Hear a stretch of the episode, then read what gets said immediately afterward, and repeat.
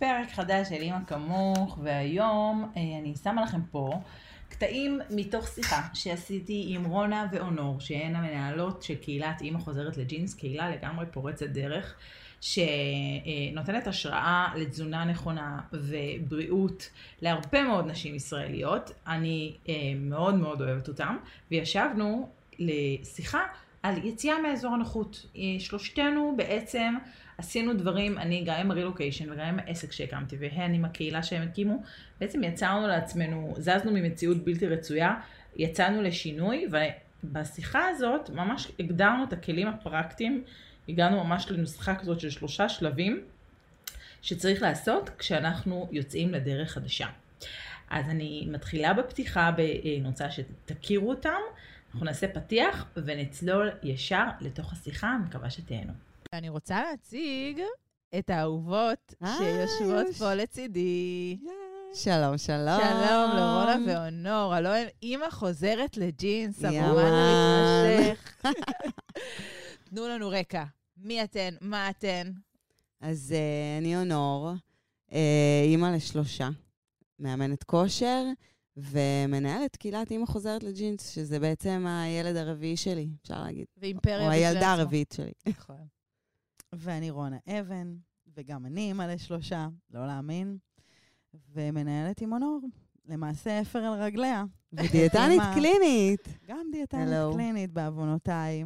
מעבר אה, למקצוע שלכם, אתן כוח מטורף. יש לכם קהילה מדהימה, מי שלא מכירה להיכנס לפייסבוק, לאמא חוזרת לג'ינס. גם אם אתם לא אוהבות כושר, וגם אם אתם לא אוהבות תזונה, תאמינו לי שהן מדבקות השתיים האלה, ולעקוב אחרי עמוד האינסטגרם של שתיהן, כי אתן פשוט השראה. השראה ב... איזה, אימא'לה, בא לי להתחבא מאחורי משהו. תתחבי, מאמי, אני אמשיך לדבר. השראה לאיך לחיות את החיים בחיוך ובאנרגיות. עזבו שאני לא סובלת ספורט, זה בכלל לא ה issue כאן. זה גם לא ה issue של אימא חוזרת לג'ינס. נכון. אימא חוזרת לג'ינס זה... זה ה vibe, זה ה vibe של החיים. זה, ה... זה להיות אישה פשוט בגרסה טובה יותר. בטן שטוחה, זה, זה לא מעניין, הכל אפשר להסתיר. חיוך אי אפשר להעביר סתם.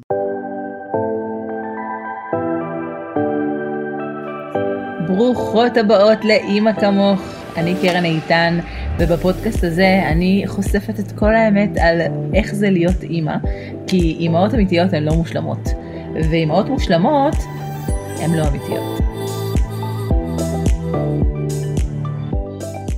כל דבר חדש שאנחנו יוצאות אליו, כל פעם שאנחנו יוצאות מאזור הנוחות, וכל פעם שאנחנו בעצם עושות את הקפיצה הקוונטית הבאה שלנו, אנחנו צריכות להבין שבדרך יהיה קשה. אני חושבת שכל מי שיוצאת לעצמאות, או אה, עושה איזשהו שינוי, נגיד, תעסוקתי, לוקח זמן להחליט שאת שמה את כל הקופה, שאת all in.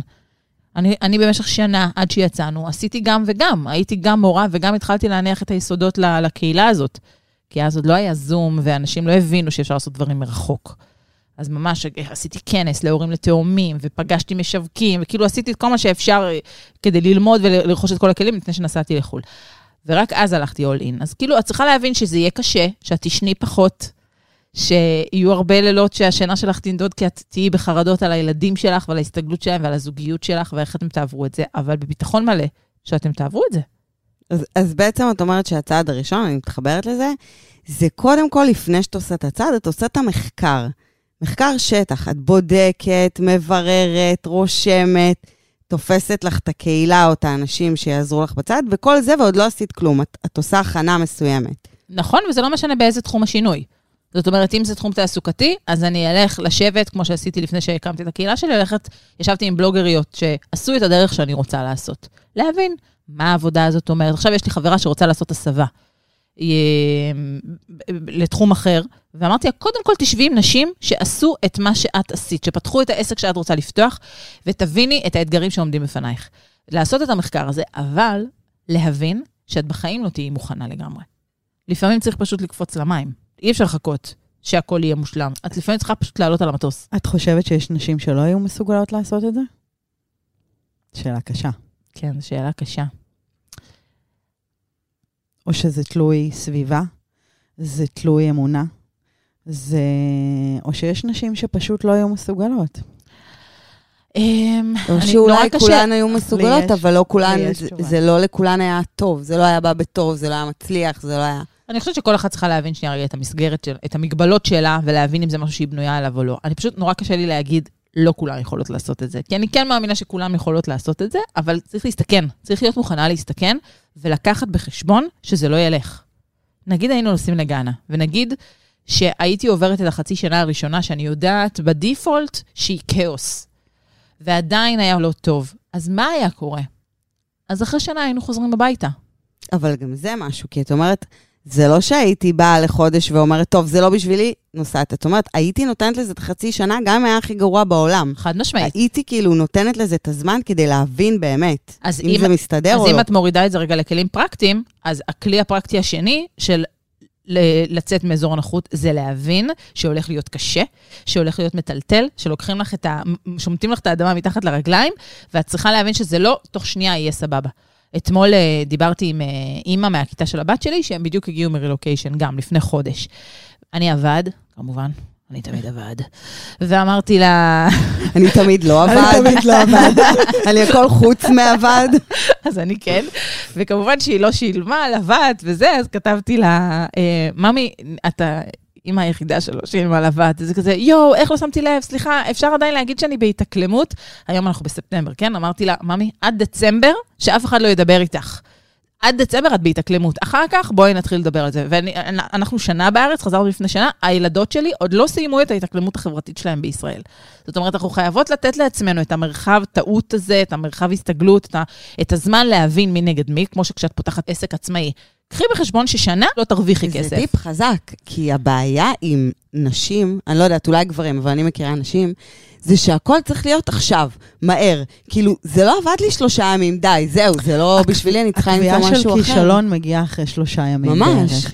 אני נכשלתי אחרי שלושה ימים, ואם זה לא במקרה עבד הטוב, כי אולי זה כן. גם יום, אולי עשיתי את זה יום, וזה, לא כן. ירדתי במשקל, מה מה אני אגיד לך? כן. אכלתי טוב, עשיתי אימון, וואלה, לא ירדתי במשקל. אני כבר אז זה לא עובד. 48 שעות עמוק לתוך הדיאטה, ואני לא רואה שינוי. עובד. ואז אז הדבר ההגיוני לעשות הוא לפתוח את המקרר ולהתחרע על כל מה נכון, שיש כי זה בפנים. כן כי זה עובד, לא דרך עובד. אגב, זה- זה הוכיח את עצמו. זה ממש ככה.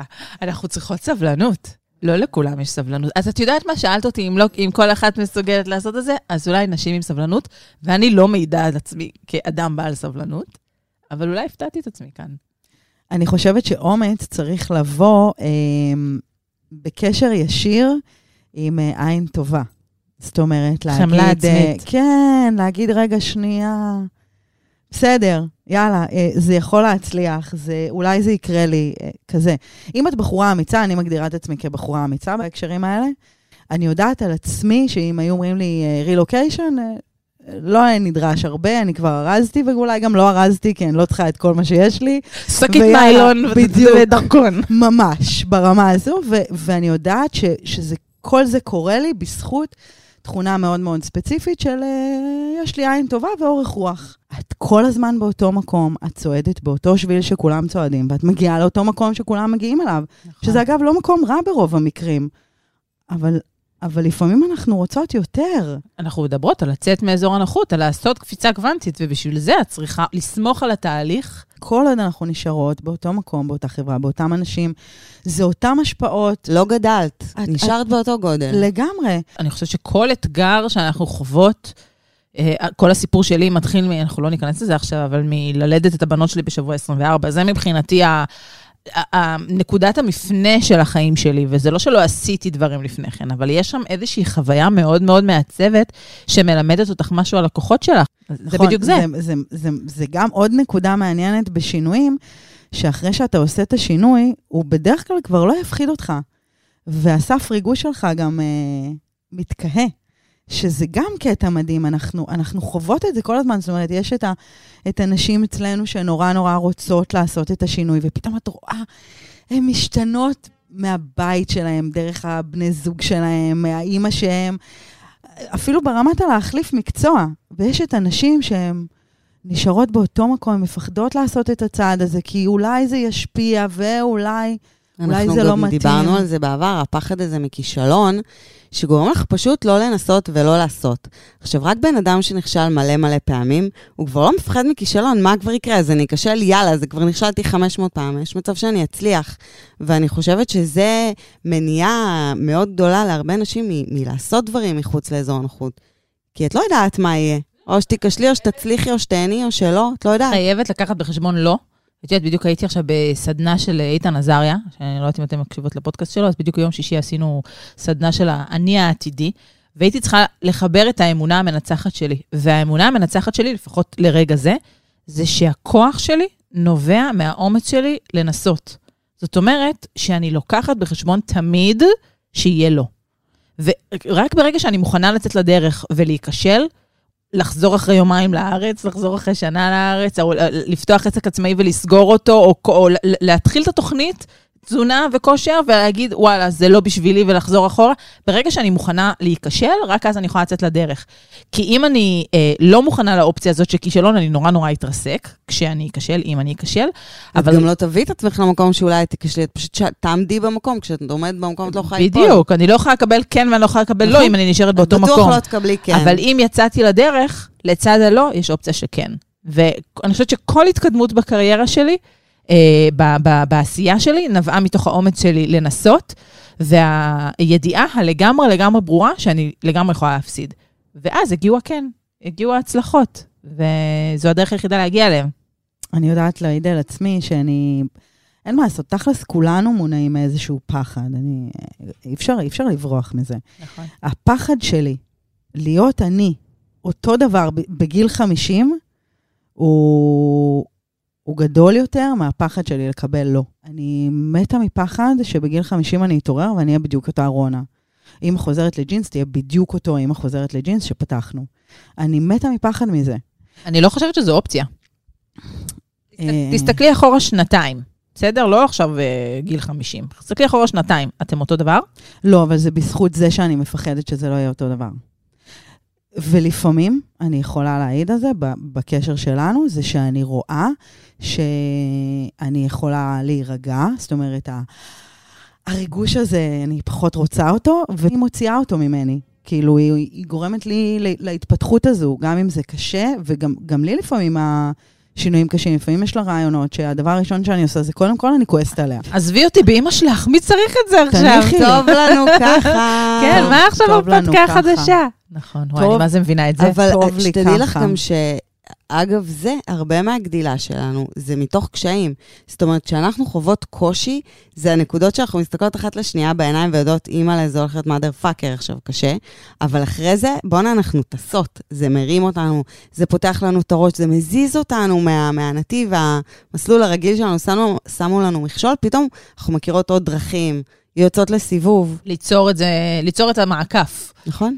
ואני גם חושבת שאם נעשה את זה על הדרך השנייה, את אומרת שברגע שאני ניצבת מול קושי, אז אני יודעת שאני הולכת לצמוח מזה. אני אומרת, אם אני מקבלת יותר מדי כן, אני צריכה לעלות למעלה. אני צריכה לעבור לרמה הבאה. קל לך מדי. קל לי מדי. קדימה, להעלות את השיפוע. בדיוק. כן. תעלי את השיפוע, חמודה. תתחילי לרוץ. זה מאוד נכון, אני, אני מאוד מסכימה עם זה, אה, אבל לפעמים אה, אתה חוטא בזה. ואני מאוד הייתי שמחה שאנשים שמאזינות לנו עכשיו, שעכשיו יחשבו בדיוק באיזה שלב הם בחיים, כי יאזינו לנו כל מיני אנשים, זאת אומרת, גם הקהילה שלנו וגם הקהילה שלך, וגם אנשים חיצוניים שמגיעים, נשים שמגיעות אלינו במקרה, אני מתה שהם רגע יחשבו עם עצמם, כרגע, כמה זמן כבר קל להם? כמה זמן? רגיל להם. ר, כמה זמן רגיל לך? ואם התשובה היא חודש, זה סבבה. סביר. חצי שנה? לא סביר. תעשי משהו, תצרי משהו, תחדשי לעצמך, תחיי, לא, שלא יהיה לך דופק. קחי איזה כן. מעקף. לא, אבל בואו שנייה רגע נוריד את זה לפרקטיקה, זה לא חייב להיות משהו גדול. את לא צריכה עכשיו לא, לפתוח עסק חדש, לא. זה יכול להירשם להדרכת, להיות להירשם להדרכת הורים, או ללימודים, או לא יודעת מה, כאילו לעשות משהו שהוא שובר את, ה, את השגרה שאת נמצאת בה. לי מאוד קשה להיות בפלטו, וזה, וזה חלק, זה חלק מהדרך של כולנו. גם צריך לדעת ליהנות מזה, שזה משהו שאני עובדת על עצמי כאדם שאפתן ואדם הישגי, לנסות גם ליהנות מ, מלהיות רגע במישור, אבל ב overall הכללי, אני רוצה לראות עלייה. ואם אני לא שמה הרבה זמן, אני, אז יאללה, שמישהו יבעט לי בתחת. תתעוררי. כן, תתעוררי על החיים שלך. תגידי, שאת נמצאת בפלטו, אונור, את, uh, את סבבה? אז אני מרגישה שכאילו אני סבבה כשאני לא מדברת עם עצמי. נראה לי שאני סבבה, אבל כשאני באמת בודקת, אז אני לא, האנרגיות שלי לא גבוהות, השמחה שלי לא גבוהה, אני די בפלטו, זה, זה גם הרגש שלי, הוא שם, הוא שטוח. עכשיו, אני לא בן אדם שטוח ברגש. אני בן אדם אמוציונלי, כאילו, אני מאוד אוהבת, מאוד שונאת, מאוד כועסת, נעלבת, עצובה, כאילו, כזאת אני. ואני יודעת שכשהרגשות שלי מתחילים להיות שטוחים, אז הגיע הזמן לזעזוע מסוים. והזעזועים האלה עושים לי טוב. לא תמיד אני יודעת לעשות את הצעד וכאילו לזעזע את עצמי. לפעמים אני צריכה איזו סתירה מבחוץ, ואז אני כבר זורמת על הזעזוע ונהנית ממנו ומבינה שהוא הגיע כדי לעשות לי טוב. כן, אנחנו לא תמיד יודעות, אה, כאילו לפעמים הקפיצה הזאת זה משהו שאנחנו מזמנות לעצמנו. נכון. אנחנו לא תמיד אה, יודעות לבעוט לעצמנו בתחת. נכון. לפעמים היקום עושה את זה בשבילנו. נכון, ואז, ואז צריך, אני כאילו מאוד אוהבת בעיטות מהיקום, ויש הרבה נשים שישאלו, אבל למה זה קרה לי? למה זה מגיע לי? כאילו, אני כאילו מבינה למה זה קרה לי, למה זה מגיע לי, זה בא לעשות לי טוב, אני מחבקת את הדברים האלה.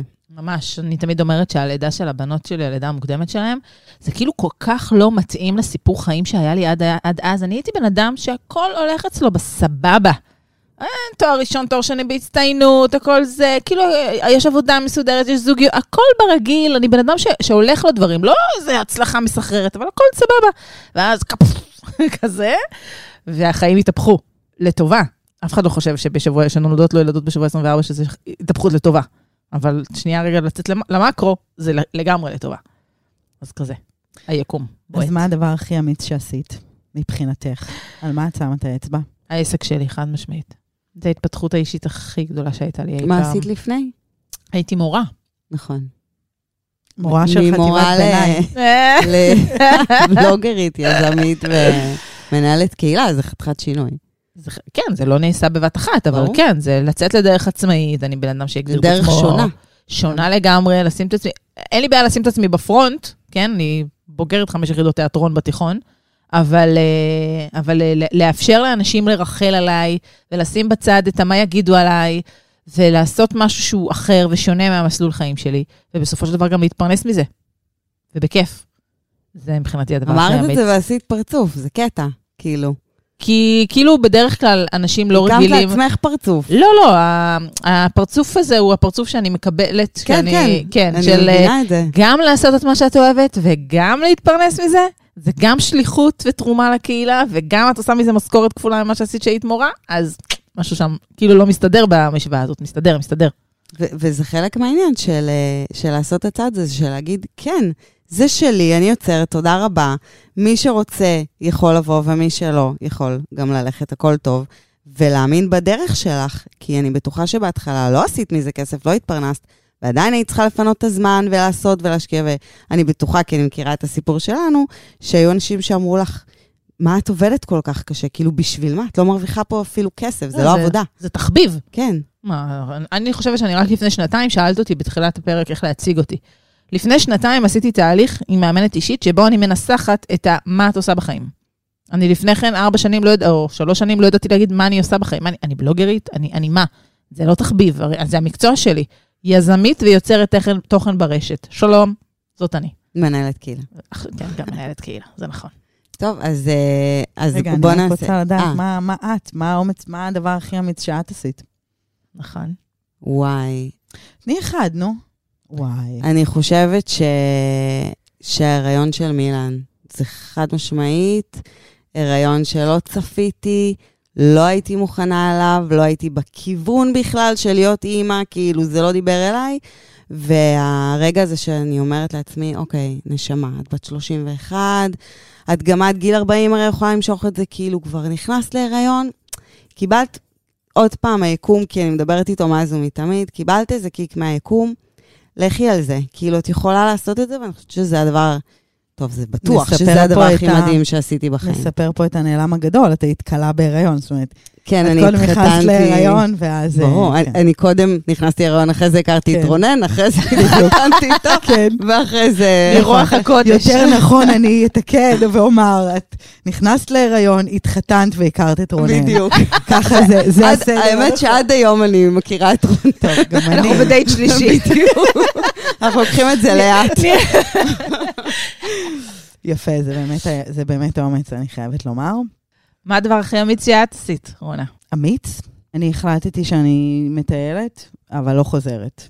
החלטתי שאני בגיל 20, עוזב את הארץ, יצאתי בכרטיס one way, ובאמת אה, טיילתי שלוש שנים בכל מיני, אה, בכל מיני קהילות ועם כל מיני אנשים, ושנה מתוך זה הייתי גם לבד, ועוד שנתיים אה, טיילתי גם עם דורון, ובמהלך הדרך, בגלל שטיילנו באמת כמו נוודים, אז גם התגלגלנו למקומות מאוד מעניינים, שחלקם היו טובים, חלקם היו פחות טובים, לקחנו כל מיני החלטות מאוד...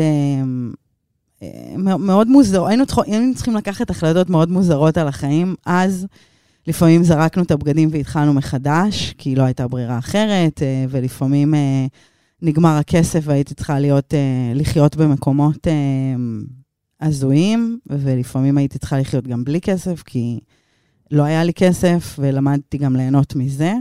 ישנתי בתחנות רכבת, הכרתי אנשים מכל הקשת. אה, אני חושבת שזה הדבר הכי אמיץ שעשיתי, בעיקר שגם הייתי מאוד מאוד צעירה, אה, והבעיה הייתה שהייתי גם מאוד אמיצה. אז גם נכנסתי לתוך סיטואציות שידעתי שאני קופצת למים מאוד עמוקים ומאוד קרים. אה, ואני חושבת שאחד הדברים הכי טובים שקרו לי בחיים זה זה. כי גם ידעתי את הכוח שלי, היום אני מאוד מודעת לכוח שלי, אני מאוד מודעת לחסרונות שלי, אני מודעת ליתרונות שלי, ואני גם יודעת שאני יכולה לצאת מכל דבר, כי יצאתי ממקומות uh, מאוד uh, הזויים, אז אני מאוד סומכת על עצמי גם. Uh, אז זה האומץ שלי. תשובה טובה. כן. ממש. כן. לא, וגם בגיל כל כך צעיר לעשות את כל הדבר הזה, זה באמת נראה לי כוח על. כן, כן, לא, הרגשתי, אני זוכרת שחזרתי סביב גיל 24, וגם לא סיימתי תיכון, אז ידעתי בדיוק מה אני רוצה לעשות בחיים, ידעתי שאני רוצה ללמוד תזונה, לקח לי זמן, הייתי צריכה להשלים את התיכון, וגם הייתי ממוקדת כבר. בתור ילדה לא הייתי ממוקדת, רציתי הכל, רציתי לאכול את העולם, ובאמת, כאילו, משהו בזה הרגיע אותי, ואם לא היה לי את האומץ הזה, אני כאילו מנסה לחשוב, אוקיי, הייתי מטיילת כמו כולם, אתה שמונה חודשים במזרח, לובשת שרוואל איזה יומיים, וכאילו, זה באמת היה מזיז לי. וחוזרת עם טיקה. כן, בדיוק. אז כאילו, זה באמת היה מזיז לי, אז התשובה היא לא. הייתי צריכה לעבור את זה, ובאמת היום אני, אני חושבת שזה משהו שבנה אותי אז. תראי, יצאת בן אדם. אני מזמינה את המאזינות שלנו לחשוב מה הדבר הכי אמיץ שהן עשו. ואם קשה להם לשים את האצבע על זה, אז אולי שיחשבו מה הדבר האמיץ הבא שהן הולכות לעשות. בדיוק. אוי, איך אני אוהבת את מה שאמרת. כן, כי אם, לא, אם אין לך את זה ברשימה... וגם אם יש לך, חדשי. קדימה. כל כמה זמן תחדשי את הדבר האמיץ. תני אה, סיכום כזה של כמה טיפים כאילו פרקטיים. איך לזוז מה... איך לצאת מאזור הנוחות? כן. דבר ראשון, והכי הכי חשוב, להיות מוכנה להיכשל. אם את לא מוכנה להיכשל, אל תצאי לדרך. דבר שני, לדעת שהולך להיות קשה, לתת לעצמך זמן לחוות את הקושי הזה לפני שאת מרימה ידיים, וזה לא יהיה קושי של שעה, וזה גם לא יהיה קושי של יומיים. זה טיפ מספר 2. הכנה. הכנה מראש, לחקור, לחקור את השטח, ללמוד, להתייעץ עם נשים שהיו שם. לגמרי, לקחת המון המון השראה, ולא לפחד. לבקש עזרה, לשאול שאלות. וואי, לגמרי. לשים את עצמך במקום, את מכירה את אלה שכן, כן, כן, אני יודעת, כן, כן, כן, כן, כזה. לא להיות כזאת, להצטנע, להיות מוכנה ללמוד. טיפ מעולה. מאנשים אחרים. ולא אה, לפחד להיות חלשה גם. איזה שיחה מדויקת הייתה לנו. אני מתה על רונה ואונור. אה, הפרק המלא, דרך אגב, מופיע בפודקאסט שלהן, בעושות שינוי, וספרו לי אם אהבתם את הפרק, אם הטיפים שנתנו שם עזרו לכם. אתן מוזמנות לשתף אצלכם בסטורי ולשלוח את הלינק לחברות ולדרג את הפודקאסט, כדי שכמה שיותר אנשים ייחשפו לדבר הזה שנקרא אימא כמוך, ונתראה בפרק הבא.